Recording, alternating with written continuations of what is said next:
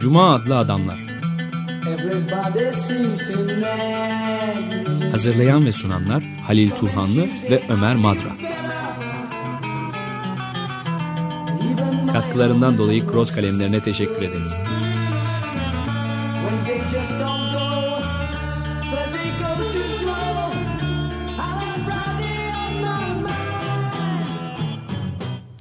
Merhaba Halil, hoş geldin. Teşekkürler. Bugün yine Frankfurt Okulu'na dönüyoruz. Çünkü Frankfurt Okulu e, günümüze ışık tutan bir felsefe, derin e, düşünce e, ve kitapları da peş peşe çevriliyor. Onlar üzerine yazılmış kitaplar da çevriliyor. Bugün de e, sen az sonra künyesini vereceksin. İki kitap var. Aslında bu iki kitabın her biri ayrı bir program konusu olacak kadar kapsamlı düşünceye ufukları açıyor. Birisi sosyolojik açılımlar. Adorno ve Horkheimer'in birlikte yazdıkları ama kimin hangi metni yazdığı da pek belli olmuyor. Ama olsun metnin Daha tadı iyi var. zaten. Evet. Yani- Birbirlerinin içinde karışmışlar. eritiyorlar kendilerini, fikirlerini de hoş bir şey. yani. Evet ikisi de zor aslında. Adorno'nun zor yazdığı söylenir ama yer yer Horkheimer'de ona aşağı evet. kalmıyor. Yani yarışıyorlar. Diğer ise aydınlanmanın diyalektiği. O da çok önemli. Bir başka başlı başına dediğim gibi programın da konu olacak kitap. Şimdi ilk kitaptan başlayalım. Zamanımız el verirse diğerine de uzanabiliriz. Sosyolojik açılımlar. Bu Auguste Comte'un pozitif düşüncesinin pozitifizminin eleştirisiyle başlayan bir kitap. Ee, sosyoloji aslında nispeten yeni bir bilim, yeni bir disiplin. Felsefeyle kıyaslandığında gerçekten öyle. Yani antik çağa kadar uzanan bir felsefe var. Ve sosyoloji biraz daha onun geriden izliyor. Sosyoloji, sosyolojinin kurucusu olarak da genellikle Auguste Comte'un adı anılır. E, Kabul, bu kabul edilir.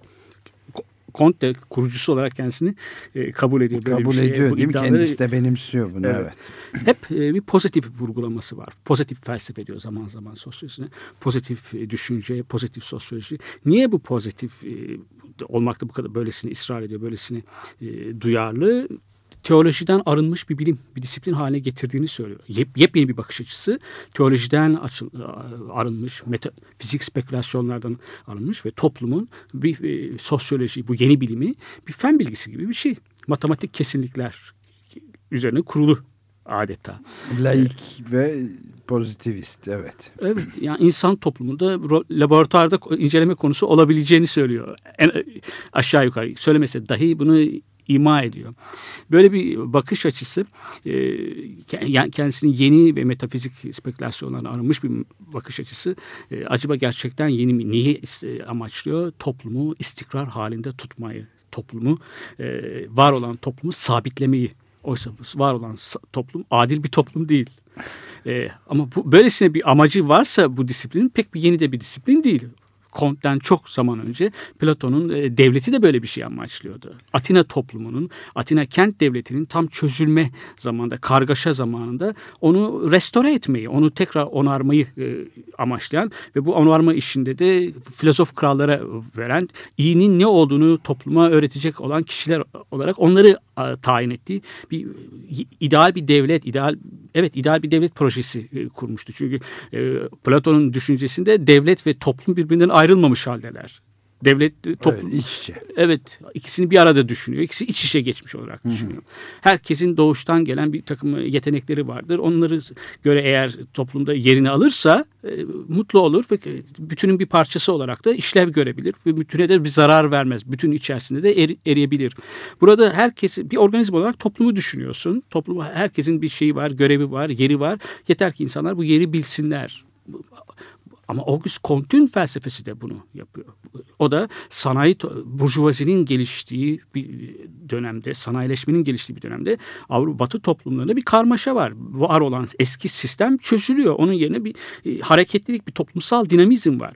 Comte'un felsefesi toplumsal dinamizmi bastırmaya çalışıyor. Yasalar bulduğunu söylüyor. İlerlemeden yana olduğunu diyor, söylüyor. İlerlemeden yana değil. Yani gelişmeden yana değil. Gelişmeyi toplumsal dinamikleri bastırmaya, bunları ne, ne- meşrulaştırmaya çalışan bir düşünce. Bu düşünce olumlayıcı bir düşünce. Onarıcı ve olumlayıcı bir düşünce. Felsefenin, e, sosyolojinin de aslında sosyolojide değil diyorlar. Yani Adorno ve Horkheimer bir tarih tarih felsefesi kurguladığını söylüyorlar. Ye- Çok ama evet tutalım ki kabul edelim ki sosyoloji bu onarıcı bir sosyoloji, onarıcı, olumlayıcı bir sosyoloji kendisinden sonra da e, toplumu statik olarak kabul eden e, bir sosyoloji Pareto gibi pek çok tutucu e, sosyologun önünü açmış bir e, düşünce tarzıdır bu. Burada yeni olan hiçbir şey yok burada. Bunun tam karşısında e, eleştirel düşünce var. Burada iki farklı düşünceden söz etmek gerekiyor. Birisi eleştirel, toplumu değiştirmeye amaçlayan, toplumdaki değiştirmeye teşvik eden, toplumdaki değişiklikleri kışkırtan bir düşünce, onun yolunu açan, ona öncülük eden, bir de toplumu e, ba- bastıran, dinamikleri bastıran ve olumlayıcı bir düşünce var. Kontinki ikincisi. Evet ne ilk ne de son olacak. tabii. Sonuncusu da değil tabii. Evet, Ama burada- da değil ama çok e, tabii etkili bir rol oynuyor. Yani Evet. Hele bir Türkiye gibi mesela şeyi de hatırlıyorum ve düşünüyorum şimdi Türkiye gibi frankofon Evet. uzun bir süre Fransız kültürünün de etkisini hissetmiş bir ülkede eğitimde e, kitaplarda Evet, okutulan, e, müfredatta okutulan kitaplarda e, Auguste Comte'a e, tamamen sosyoloji biliminin kurucusu e, ve çok yüksek bir paye ve unvan verildiği de muhakkaktır. Dolayısıyla biraz da bu eleştirileri getirmenin tam zamanı Evet. hatta geçti bile. Doğru. Hesaplaşılması gereken bir, bir düşünce tarzı aslında. Bu olumlayıcı düşüncenin bir parçası ama öne, senin de belirttiğin gibi önemli bir parçası Auguste Comte. Frankfurt Okulu'nun çok hesaplaştığı bir şey düşünür aslında. Ee, Us Akıl ve Devrim'in son bölümünde de Herbert Marcuse e, yine bir Comte eleştirisi vardır orada da. Çok sıkı bir eleştiridir orada e, ayırdığı bölümde. Burada şu eleştirel düşün, düşüncenin, eleştirel düşüncenin e, geçirdiği evrimi de ele alıyorlar. Adorno ve Horkheimer sosyolojik açılımlarda. E, Comte ayırdıkları bu bölümde. Felsefe, sosyoloji, düşünce, insan düşüncesi bir zamanlar e, dev- devrimci devrimciydi. Yani Evet. toplumsal değişimlere ön ayak olan, onların Başını doğal hukuku evet. savunuyorsun. Bütün e, şimdi söylemeye açıklamaya çalışacağız daha sonra da E, toplum ve e, devlet ve toplumu ayıran düşünce, anti Platoncu düşünce, devrimci bir düşünce. Burjuvazinin düşüncesi aslında bu da. Yani Evet. Toplum düş, kav- sözcüğünü en çok telaffuz eden gelişme halindeki burjuvazi. Beğenelim ya da beğenmeyelim. Yani e, monarkların, tiranların, despotların ka- karşısında e, toplumu savunan, toplum sözcüğünü kullanıyorlar. Toplum üçüncü bir kategori olarak ortaya çıkıyor. Ne krallar ne de köylüler. Kentteki gelişmekte olan yeni sınıf. Kendisi toplum ve kamu olarak sunuyor. Ama bu sınıf devletten de ayrı düşünüyor. Devletin de ayrı, ayrı konumlanıyor. Devlet ve e, toplum ikisini karşıtlık içerisinde ortaya koyuyor. Ve bu düşünce devrimci. O tarihsel anın içerisinde o, bu düşünce devrimci. Ve bu felsefe e, aslında monarkların, despotların, halkı ezenlerin ta, e, yüreğine aynen onların söylediği sözcükleri kullanayım. Korku salan bir felsefe, eleştirel bir felsefe, radikal bir felsefe. Radikal bir felsefe tabii. Kont gibi düşünürler bu felsefeyi eleştirel olmaktan çıkarıp düzenin savunucusu haline getiriyorlar. Olumlu felsefe yavaş yavaş düzenin savunucusu olmaktan vaz da çıkıp daha da kötüsü alçakların safında yer tutuyor Adorno'ların yerinde. Yani faşizme, barbarlığa, kitap yakmaya. Bir düşünce kitap yakmayı meşrulaştıran ve onun yerinde haklı gösteren bir düşünce oluyor. Felsefenin görevi bu, olmamalı. İnsanın ruhunu eğiten, daha iyi bir hayat tarzının nasıl olabileceğini tartışmanın ipuçlarını veren bir bilim bunu yapmamalı. Ama maalesef yap, yapmış geçmişte. Evet çok e, yani e, işte bütün bu e, Auguste Comte gibi bize çocukluktan beri yerleşik bir hiyerarşide düşünceler düş- düşünce insanları hiyerarşisinde üst düzeyde yer e, verilmiş pek çok düşünürde olduğu gibi Auguste Comte'un da aslında toplumun bu haliyle muhafaza edilmesini Evet, evet, e, savunmacı. evet, savunmacı bekçi Evet, toplum bekçi, var olan düzenin bekçisi. Bütün hiyerarşileri olduğu gibi kabul eden, bir de yani şeyi her türlü eleştirinin ve hakikatin buharlaştıran, yok eden bir düşünce. Türkiye. Bu da tabii e, o kadar çok karmaşıkmış, pozitifmiş gibi görünüyor ama aynı zamanda her olumlayıcı düşünce gibi çok basit bir dille de anlattığını söylüyor. E, Şimdi Ad- Adorno'nun çok karmaşık bir dili olduğu söyleniyor. Evet diyor karmaşık Adorno bu eleştiriyi karşılıyor. Ama gündelik gerçekliğin dışında farklı bir gerçeklik. Den söz ediyorsak evet farklı bir dil konuşmak zorundayız diyor. Evet. Konuşmaya devam edeceğiz. Şimdi Afgan Wigs'den dinleyeceğimiz bir parça var. Come See About Me.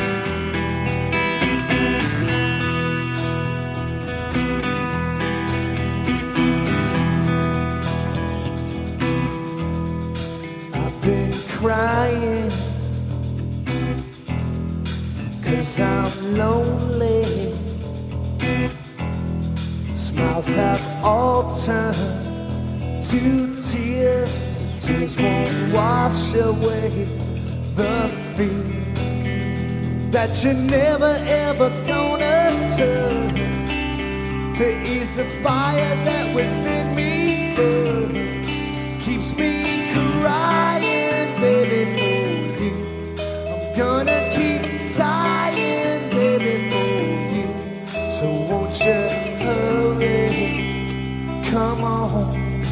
see about me. See about you, baby.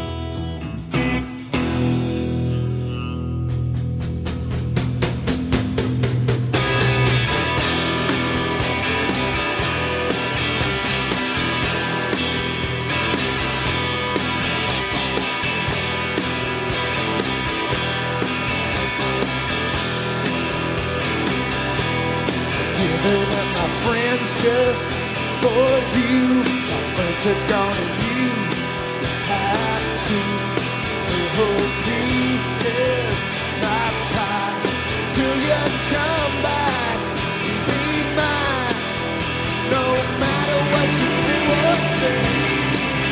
I'm gonna love you anyway. Keeps me crying, baby, for you. Gonna keep sighing, baby, for you. So won't you hurry? Come on, see about me. See about your baby. See about you. Sometimes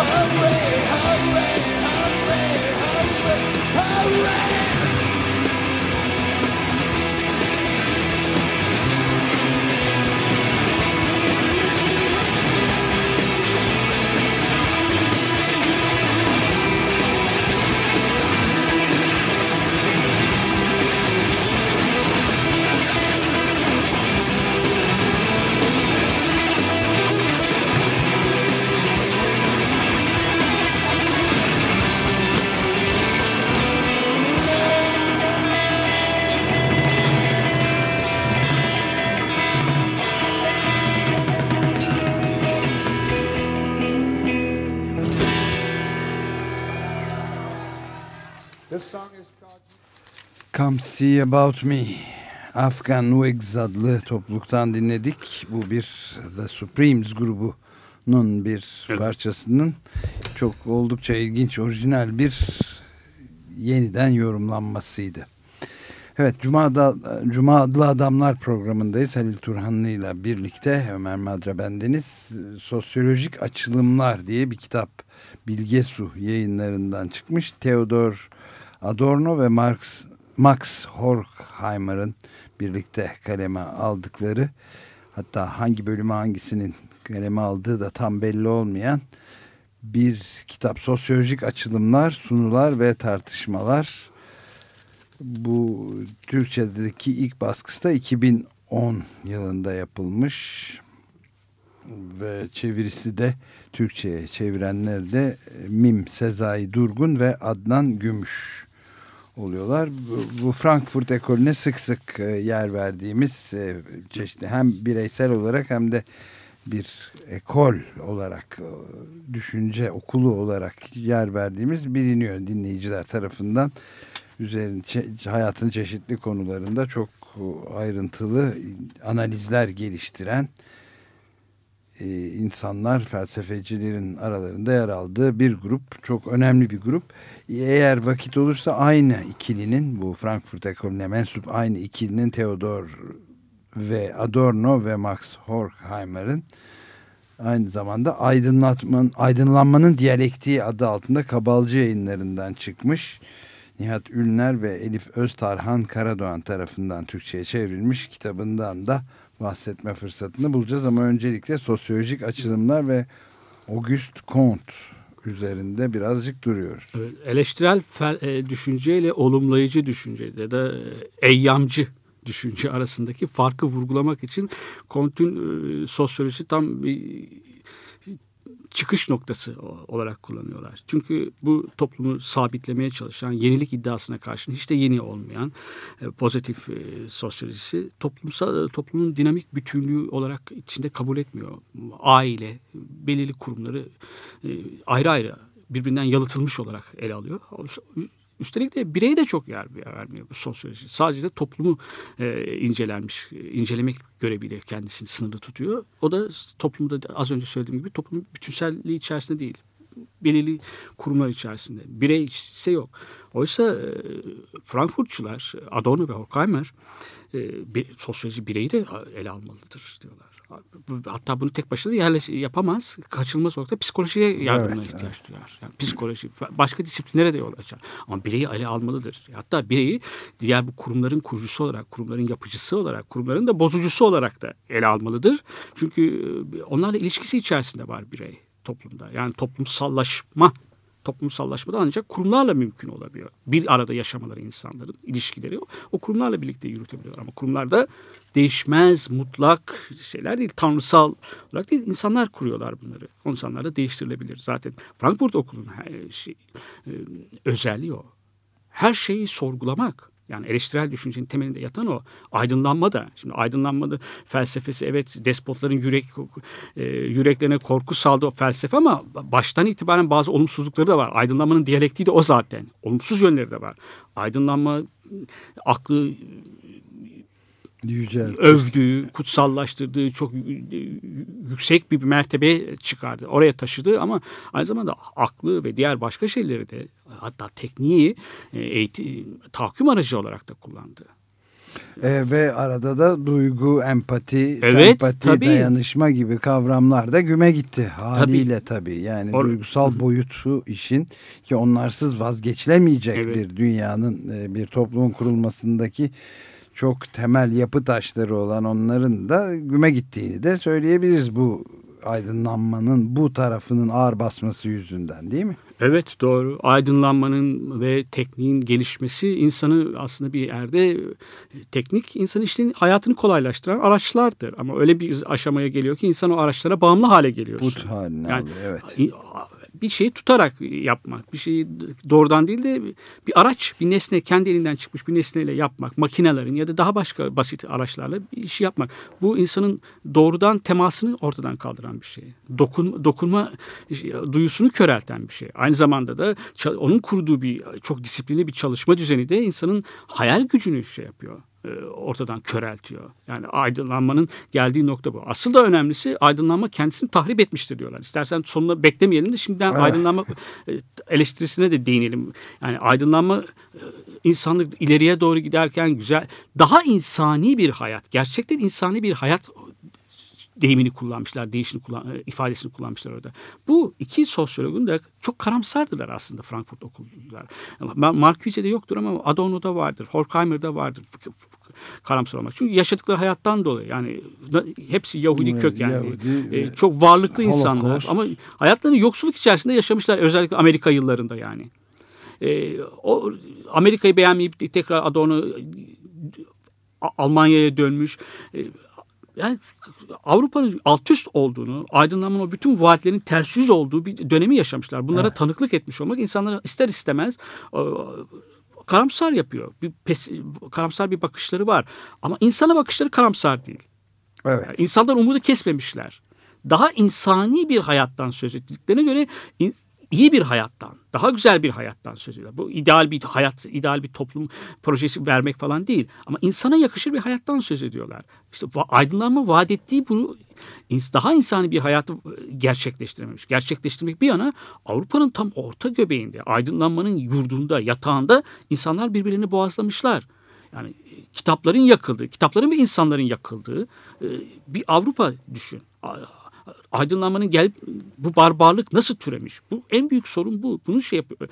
E, cevaplamaya çalışıyorlar. Bunun cevabını bulmaya, bir cevap bulmaya çalışıyorlar. Evet o aydınlanmada ışık aynı zamanda insanların yakıl yak, canlı canlı evet. gaz odalarında yakıldı ve işte senin de dediğin gibi oto, otodafe denen törenlerle evet. kitapların alevlerinin gökleri tuttu dumanının filan o ışık aydınlanmadan bu sonuç evet. çıkıyor işte sonuçta bir de.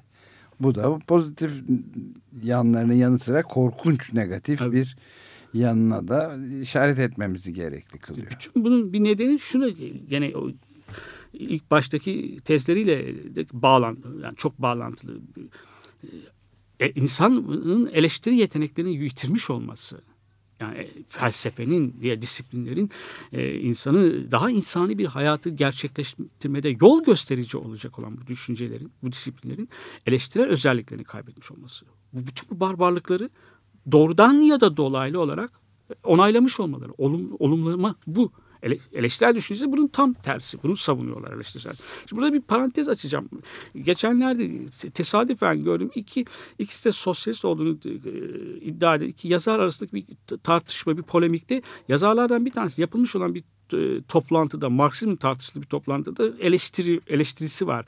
Neden e, burada bu toplantıda Marx pek yok? Hatta hiç e, Frankfurt Okulu'nu bile eleştirmemişler, burada değinmemişler, konu edilmemişler diyor. Öbürünün verdiği cevapta toplantıyı düzenleyenlerden birinin bizim Frankfurt Okulu gibi köhnemiş felsefi düşüncelerle işimiz yok. Biz sınıf mücadelesine bakıyoruz demiş.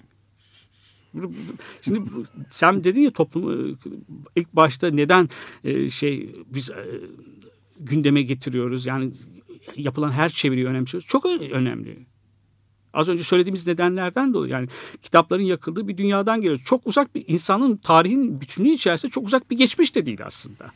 Ya insan hakları bildirge, evrensel bildirgesi şunun şurasında daha 1948 tarihini taşıyor ya. Bireyin insanın öneminin evrensel bir şekilde uluslararası e, normlar içinde ele alınmasının tarihi 60 yıldır evet. yani. Yani o bile ne büyük zorluklarla filan günümüze kadar geliyor. Yani düşünsene. Yani insan biraz ya, Ece Ayhan hep söylerdi. İnsanın inkişafı geç ağır oluyor derdi. Biraz doğru galiba yani. Deminkinin şeyde e, yani bırakalım olumlayıcı düşünceyi dünyayı değiştirmek isteyen insanların da buna böyle ilgisiz kalmaları biraz da üzücü aslında yani. Evet çok Yani, Yani. Köhnemiş. Ya, şimdi baştan itibaren bir çok çok çok kısa bir şey- ufak bir şeyden sö- söz ediyoruz. Bu kitaplar ancak içeriyor sözünü ettiğimiz kitaplar. Ama onlarda dahi bugünkü toplumun ele, muazzam bir çok radikal bir eleştirisi var yani. Yani evet Adorno'ya, Horkheimer'e, Marcuse'ye filan köhne demek görülmemiş Evet. bir küstah. Adorno'nun da çok kızdığı şey bu zaten. Yani gündelik hayatın içerisinde çok fazla düşünürsen e, dilin falan da çok basit. Basit de düşünüyorsun demek yani. Görememek. Ama dünyayı değiştirme iddiasında olan böyle bir amaç, böyle bir ideali olan insanların böyle düşünmesi tabii o başka bir şey. Şimdi e, Platon'un e, ve kitap sosyolojik açımların ilk bölümünde başlangıçta Auguste Comte'un her ne kadar yenilik iddialarında bulunsa da düşüncesinin hiç de yeni olmadığını, köklerinin Platon'un devlet felsefesine, devlet e, kitabına da- kadar uzandığını söylüyorlar.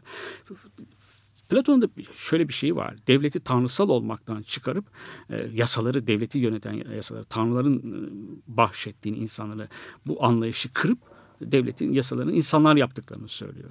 Bu önemli bir şey. Ama ikinci bir şey bu devlet adil bir devlet değil ve bu devletin e, devlet de toplumu az söyle az önce söylediğimiz gibi birlikte düşünüyor. Platon'a göre de- devletin kendisine yetmeme nedeni, varlık nedeni insanların birbirlerine yetmemesi. Herkesin topluluk içerisinde belirli bir işi var. Bu işi yapanlar bir araya gelirler, gelebilirlerse ancak birbirlerini karşılayabilirler. Herkes birbirine bağımlı ama sonuçta herkes devlete bağımlı. Devlet olarak örgütlenmek kaçınılmaz oluyor burada. Evet, piramidin tepesi yani. Evet, pla- piramidin ta tepesi doğru. Maddi ge- gereksinimlerini ge- giderebilmek için insanlar e, bu bir araya gelmiyorlar. Bu toplum e, Platon'un toplumu bu böyle bir iş bölümü üzerine kurgulanıyor ama bu son derece e, organik bir yapısı var. Tıpkı or- bir organizmada olduğu gibi başlar ve de sen de dediğin gibi bir ayaklar var. Başlar yerine düşünen, başkaları yerine de düşünen. Sen düşünmeyen ayakkabıcıysan ayakkabısını yap. Şunu yap, yapıyorsan bu işle uğraş ama sakın foruma, agoraya girip oradaki tartışmalar seni ilgilendirmez çünkü. boyundan Onu senin iş. adına başkaları yapar diyor. Bu insanın doğuştan bir işi yapabilir. Doğası bir tek işe yatkındır ve bunu e, yapmalıdır. En iyisi bunu yaparsan mutlu olursun. Halbuki öyle değil. İnsan kendisi çalıştıkça, geliştirdikçe her şey yapabilir. E, Balık avla, Marx'ın dediği balık da avlayabilir. Felsefe de yapabilir. Kendisini de eğitebilir. Eğit herkes yapabilir. Ama bu bir hiyerarşik top neden toplumun bir hiyerarşik olduğunu e, açıklayan, onu meşrulaştırmaya çalışan bir anlayış, iş bölümü üzerine temellendirilmiş bir anlayış. Şeyinki de bundan farklı değil. Yani kendisi çok yeni olduğunu, o pozitif vurgulamasını yapan e, Auguste Comte'un felsefesi, sosyolojisi ki aslında e, Adorno, Horkheimer'in iddialarına göre bir sosyolojiden çok bir tarih felsefesi kurgulamıştır bu. E, diyorlar. E, aynen böyle iş e, iş bölümü, işlevselliğe e, üzerine dayalı. Sosyolojide başkaları da var. Herb- Herbert Spencer'ın da öyledir mesela sosyolojisi. Organizmacı görüş. Organizmacı Hatta en babası o onların. Bir şey daha söyleyeceğim şimdi. Bir parça uzatmayalım. Bir ikinci bir parça dinleyelim. Comte'un ve Herbert Spencer'ın organizmacı görüşünün ve onların böyle bu düşüncesinin eleştirisi sadece Frankfurtçularda değil, John Stuart Mill'de de çok sıkı bir eleştirisi var şeyin, e, Comte'un. İnsanın e, düşünmeyen bir düşünür olduğunu söyler onun. Yani bu da bence oldukça radikal bir eleştiridir. Evet çok önemli. Bir şey daha söyleyeceğim son olarak. Ee, neoliberalizmin yani ne- neoliberal e, toplumun e, e, Thatcher'ın düşüncelerinin temelinde e, bu Herbert Mark Herbert Mark, Herbert Spencer'ın Spencer, evet, olduğunu dair evet. e, yıllar önce yıllar önce diyeyim 90'ların e, ortalarında bir yazı okumuştum. Yani bir İngiliz yazardan. E, oldukça ilginç bir yazıydı. Yani bunun klasik liberallerle falan hiç ilgisi yok. Siz de biliyorsunuz ki gayet iyi biliyorsunuz ki bu Herbert Spencer'ın düşünceleridir bunlar. Organizmacı ve toplumda o hiyerarşileri, eşitsizlikleri muhafaza etmeye yarayan bir düşüncedir bu. diyor. Köklerini de orada buluyordu. Çok e, yerinde bir E, tespit bence de. olduğunu söyleyebiliriz yani. Evet. Patti Smith'ten dinliyoruz şimdi bir şarkı. Everybody wants to rule the world. Herkes dünyayı yönetmek istiyor.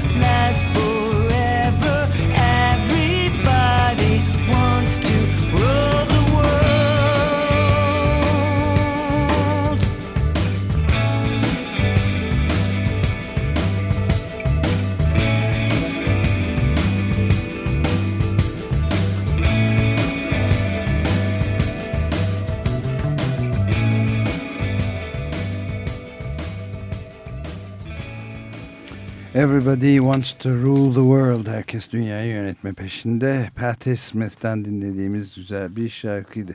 Bu arada Patti Smith'in kitabını e, okudun mu? Okumadım, Just ha. Kids. Çok e, ben de bitirmedim ama çok e, yakın bir e, dostumuz, arkadaşımız Canan Yeni otobiyografisi mi? çıktı? verdi. E, evet. e, Just Kids diye. Hı hı.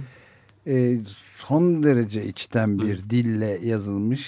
Yani bu kadar direkt etkisi olabilir. Yani ben bitiremedim şöyle ama hızlı bir şekilde de biraz oradan biraz buradan okudum. Robert Mapplethorpe'u Ha, evet, filan da. evet. Onlar Ay- arkadaş. ikisi çok Evet, arkadaş.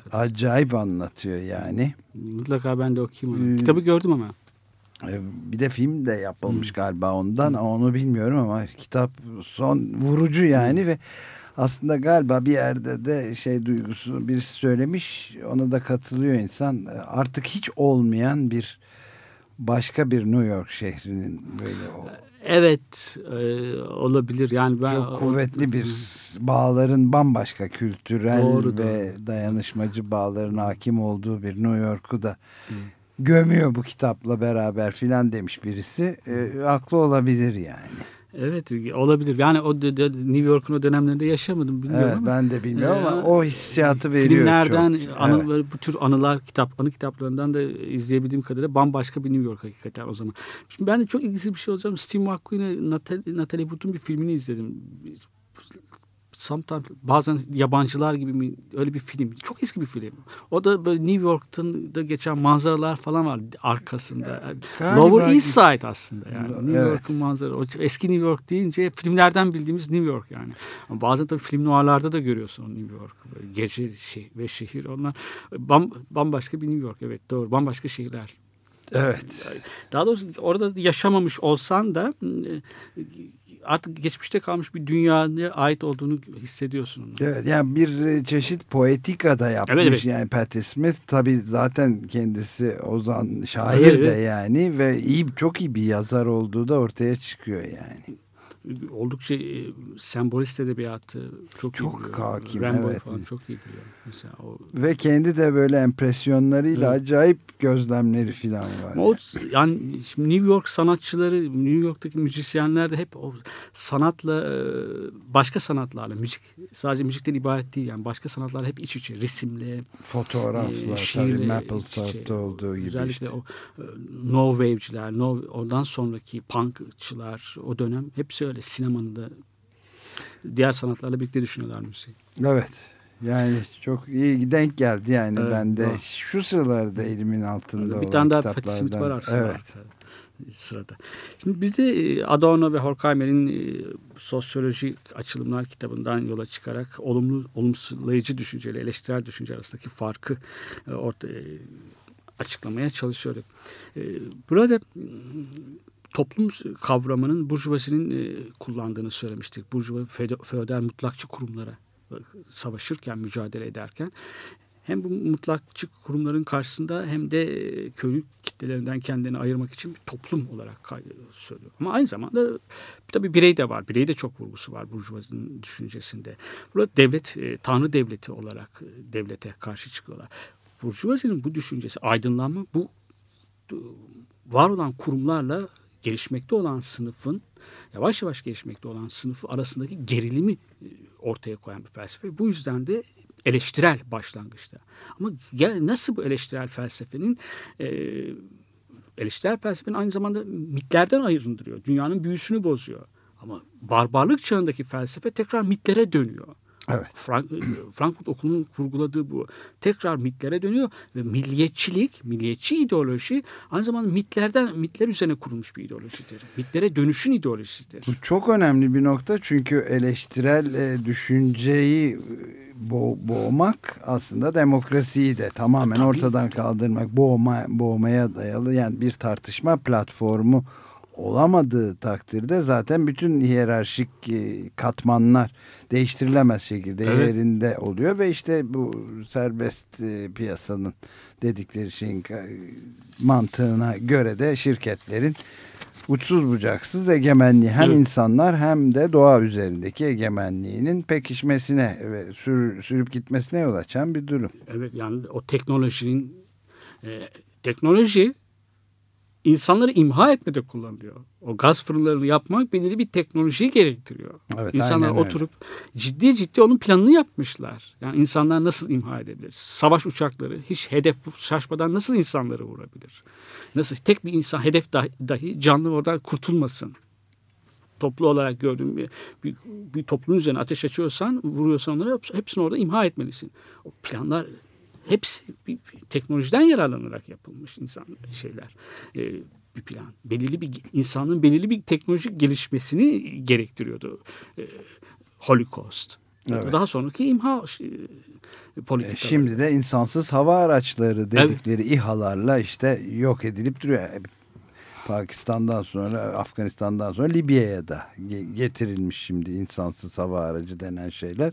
E Türkiye'de işte maşallah Sikorsky helikopterlerini çok maksatlı helikopterlerinin bağlama işini yapmış, Evet. ihaleyi Evet. yapmış. Bugünün haberi. Demin de bir şey söyledin sen. E, Bu aydınlanma düşüncesi e, prensipte de olsa e, bugün eleştirilebilir tabii insanın vardığı noktada e, bu kadar deneyimden sonra eleştirilebilir ama prensip o burjuva düşüncesi e, prensipte e, kağıt üzerinde de olsa herkesin eşitliğini savunan bir düşünce aslında. E, herkesin de örgütlenme hakkına e, hakkına sahip olduğunu düşün. Örgütlenme yetisine, kendini geliştirme yetisine sahip olduğunu varsayıyorsun. Bu da önemli. Evet, Bir de önemli. bir önemli noktası daha e, programın başında söyledik. Devletle toplumu birbirinden ayırması giderek yani kurumlar kurumu kurumlarla insanlar arasındaki e, gerilimi ortaya koyarken mutlakiyetçi kurumlarla devletle de toplumu da ayırmış oluyor birbirinden. Bu da çok önemli bir şey. Platon'da bu yoktu. Hatta e, ama Frankfurtçular bir öte- öteye geçiyorlar. Bence ben Frankfurtçuları öyle anlıyorum. Devletsiz insanların yaşa insanların devletsiz de var olabileceklerini devletsiz bir hayatın mümkün olduğunu savunuyorlar. Devlet şey, ne, ne kadar ya, bu gerçekten Evet. radikal bir düşünce işte. Bence de öyle. E, Hobbes da yani tanrısal tanrı devletinin yerine insanların iradeleriyle feragat ederek kurdukları bir devletten vazgeçiyor. Ama devletsiz yaşayamazlar diyor. Toplu olarak yaşamayı mümkün kılan devlet. İnsanların birbirine uy- karşı uyguladıkları şiddeti ortadan kaldırıyor. Ama iyi güzel de bu devlet de insanlar üzerinde şiddet kullanıyor. Şiddetin her an şiddetle kullanmakla tehdit ediyor bu devlet insanları. Radikal aslında kullanıyor aslında. Evet, her an varlığıyla kullanıyor. Yani yasalar orada. Evet. Hep yasaların varlığında şunu şunu yaparsan cezalandırırsın demek dahi bir şiddet var orada. E, şiddet tehdidi var.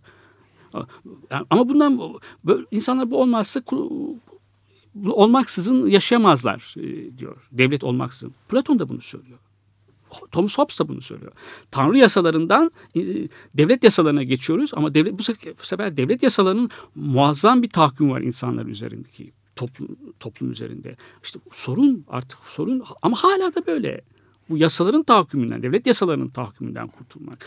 Benim bazen ben şaşırıyorum yani, yani pek hem fikir olduğum bir konu demokratik devlet acaba olabilir mi? Bu konuyu çok kafamda kullanıyorum. Devlet ve demokrasi sözcükleri Bağdaşır mı? evet bağdaşır mı diye şey yapıyorum. Ben de Frankfurt okullarını okunu bundan önemsiyorum. Bundan günümüz içerisinde ve gelecek içinde hala bu çok uzun bir mücadele olacağından eminim. e, geçerli olduğunu düşünüyorum. Yani devletsiz bir hayatın mümkün olduğunu gösteren bir felsefe. Sadece eleştirel değil, adını koyalım istersen yıkıcı bir felsefe bu. Adorno'nun tutucu olduğu 68'i anlamadı falan.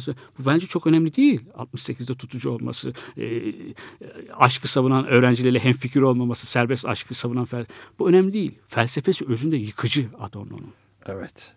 Ve bir de tabii bu çok önemli bir belki kıyıda köşede kalmış ama önemli bir noktayı da gözden kaçırmamamıza yol açmalı. Yani bu teknolojinin üstünlüğü işte bu büyük bir hegemonyayı çevreye dünya üzerinde e, yalnız insanlar üzerinde değil tabiata da e, hakim olma duygusunu da getiriyor bu Evet. hegemonya. Çok Evet. çok önemli. Yani biz her şeye yalnız insanlara değil insan topluluklarına değil bütün canlılara da hayat veren onları onların bağlamını yaşama bağlamını veren tabiatın da bir meta olarak kullanılmasına Tabii, tabii, araç araç olarak kullanılıyor yani bu teknolojik Evet, doğru. şeyler. Yani, Yalnız silah e, olarak değil. Çok doğru.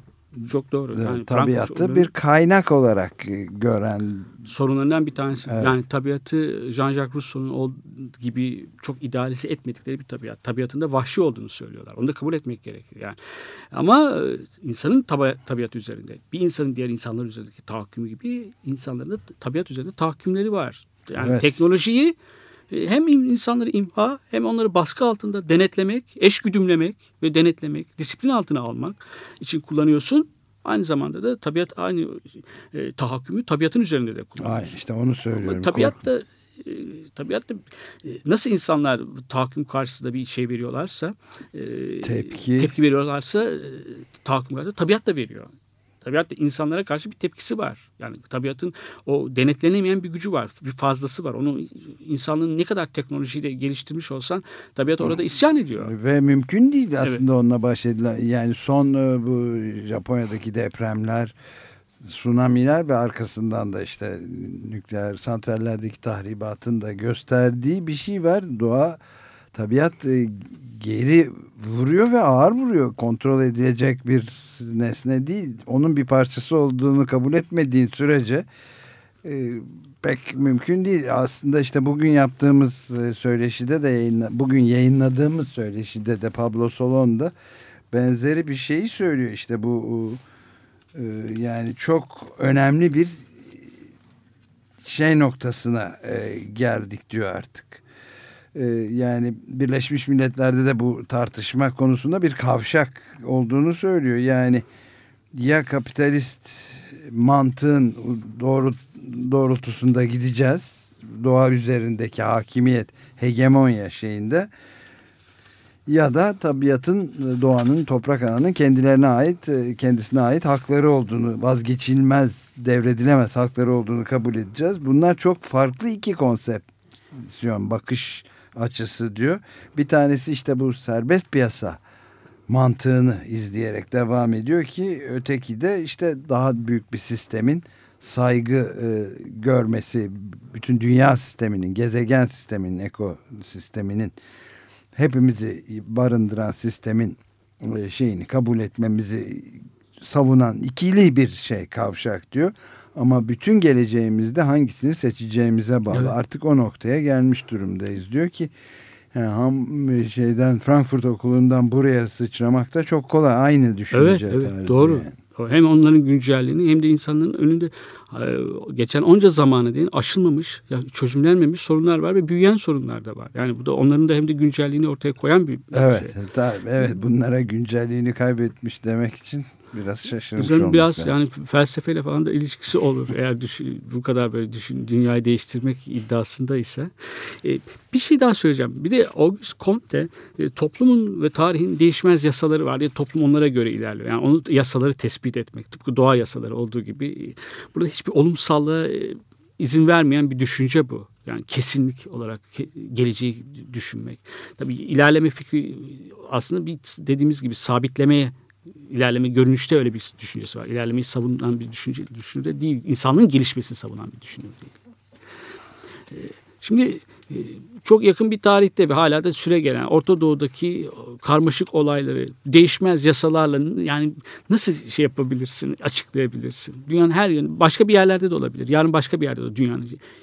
Yani olumsallık var. Hiç beklenmedik bir yerde bir, bir şey çıkıyor. Bir, bir, isyan o da büyüyor bir başka yere sıçrıyor yasalarla açık karmaşık toplum çok karmaşık. İnsan toplumu çok karmaşık. E, İnsanın bir muamma gibi yani kolay kolay bulunma, bilebilirsin. Yani insan akıl yürüterek deneyimlerine, daha önce yaşanmış olan deneyimlere, tarih bilgisine e, dayanarak pek çok şeyler söyleyebilirsin. Ama mutlaka böyle olacak diyemezsin. Bu yasalara göre insanı izleyecek diyemezsin. Hiç beklenmedik bir yer. Şaşırtır, şaşırıp kalıyorsun yani ortaya çıkan şeylerle. Orta Doğu'daki olanlar böyle pek çok kişi şaşırttı. Evet sadece e, diktatörleri ve yönetenleri değil aynı zamanda bunları anlamaya İzleyenleri de. izleyenleri de şaşırttı tabii. Dünyanın başka yerlerinde Ve izleyenleri kendilerine devrimci diyen Evet. Sol e, diyen insanların da bir kısmını şaşırttı fena halde yani öyle bir şey ve yani bizatihi işte zaman zaman konuştuğumuz şeylerden bir noktalardan bir tanesi bizatihi e, Marksizmde de var. Marx'ın düşüncesinde de böyle tarihsel diyalektik yasalar var. materyalizm e, yasalar koyma değişmez. İşte biraz böyle pozitif pozitivist bir yaklaşıma Evet. meyleden bir şey de var. Kaynaklardan biri de o galiba. Bu karmaşık. Frankfurt Okulu'nun e, biraz beğenilmemesi, kuşkuyla karşılanması ise o nedeni aslında. Marx'a da biraz e, büyük ölçüde eleştirel yani eleştirel düşüncede o da nasibini almış Frankfurt Evet Okulu. yani bu karmaşıklığı Evet. dikkate almayacak kadar e, fazla kalıplara, kanunlara bağlamaya Evet, çalışan doğru. bir tarafı da var yani. Evet, Frankfurt Okulu'nun eleştirdiği noktalardan bir Evet. tanesi. Hatta o- eleştirilerde kimi yerde onlarla pek alakası olmayan Hannah Arendt'e mesela şey yapıyorlar. Haklı, bu eleştirisi haklıdır diyorlar. Evet. Şimdi zamanımız bir parça dinleme ihtiyacı var mı? E, Yoksa devam edelim mi? devam edelim Peki. bence ondan sonra da Peki o zaman Smith'le çıkalım. e, bu son kısımda da aydınlanmanın diyalektiği başta da belirttiğimiz gibi o başlı başına bir programın konu olacak kadar çok derin, çok Evet. kapsamlı bir yani, kitap ve e, yol gösterici bir kitap. Çığır e, yani insanın düşünme ve algılama alışkanlıklarını değiştirecek bir kitap. Üzerine düşünülmesi ve Evet bu arada ben bir kez daha Evet. söyleyeyim. Bugünkü Cuma Adlı Adamlar programında esas olarak Halil Turhan'la iki kitap getirmişti. Biri Theodor Adorno ve Hoy- Horkheimer'ın birlikte kaleme almış oldukları sosyolojik açılımlar. Bilge Su yayınlarından e, Sezai Durgun, Mim Sezai Durgun ve Adnan Gümüş çevirisiyle Ankara 2011'de çıktı. E, ve biri de aydınlanmanın diyalektiği. Gene aynı iki yazarın Frankfurt Ekolü mensubu bu iki düşünürün birlikte yazarın kaleme aldı.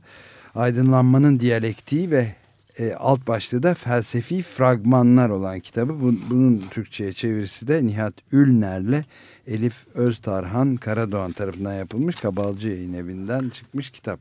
Şimdi biraz da ondan bahsediyoruz e, işte. Küç- küçük bir bölümünden bahsedeceğim. E, Homeros'un Odysseus destanını e, kapitalist toplumu ve nasıl duygularını insanın körelttiğini, nasıl çalışma disiplini sağlamadığını açıklarken o destandan yararlanıyorlar. Odysseus sirenlerin seslerine e, kulak vermiyor. Çünkü hem geçmişe, güzel bir geçmişe çağırıyorlar tekrar e, sirenler ama bugünden vazgeç, gelecekten vazgeçmek adına gele- geçmişe dönmeye çağırıyorlar. Ama aynı zamanda haz vaat ediyorlar sirenler. Odysseus'un bu haz vaadine e, karşı koyması kolay değil. Çünkü gerçekten baştan çıkarıcı bir sesleri var sirenlerin. Kendine eziyet ediyor. Hatta geminin direğine bağlı. bağlatıp Evet. kulaklarını açık tutuyor. Diğer bütün denizcileri, gemicilerinin kulakları tıkalıyken bal mumu tıkaçlarla Evet. değil mi? Evet. gemiciler de duymaması gerekiyor. Çünkü onlar da çalışmaları gerekiyor. Bu Adorno ve Horkheimer e, Odysseus'un ge- Odysseus geminin başındaki kişi.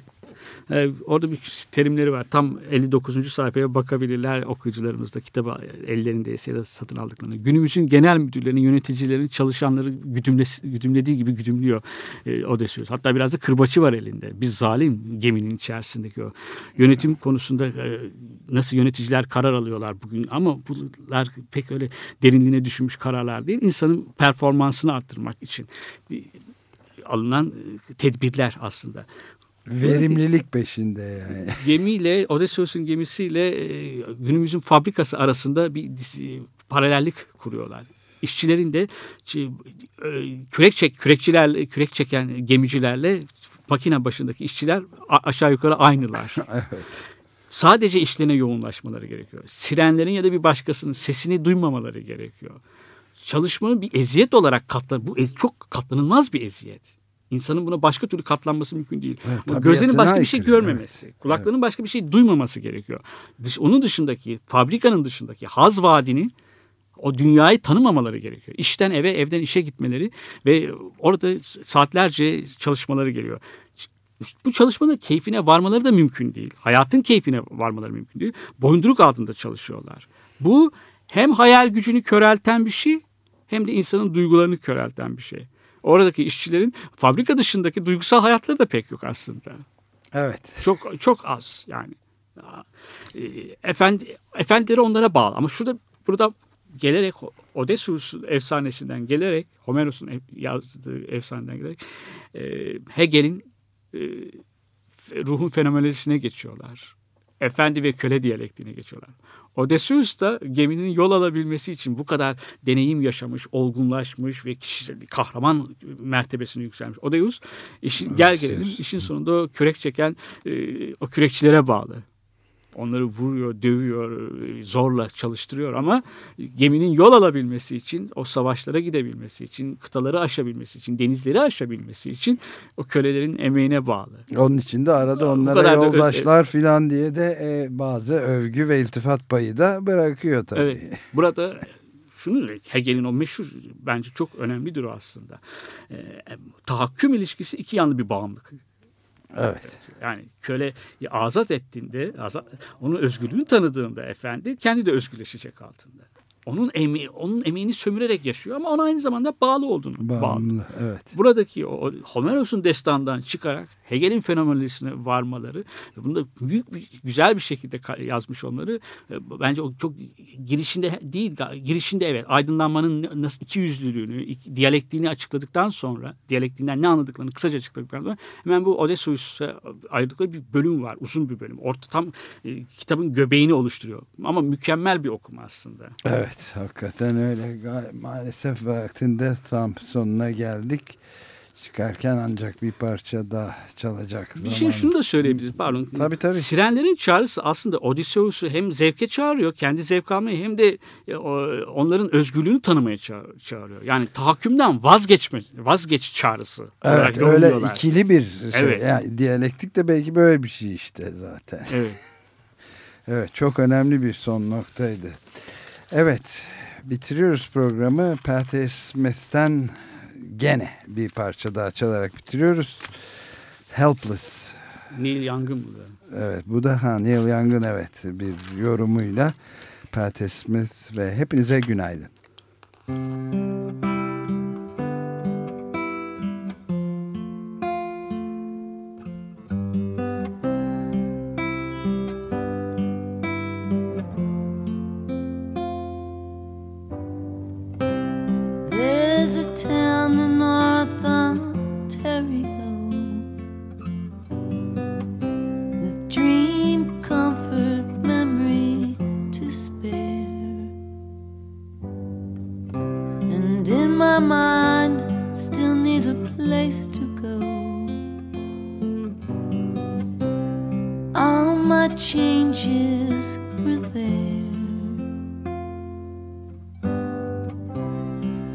blue.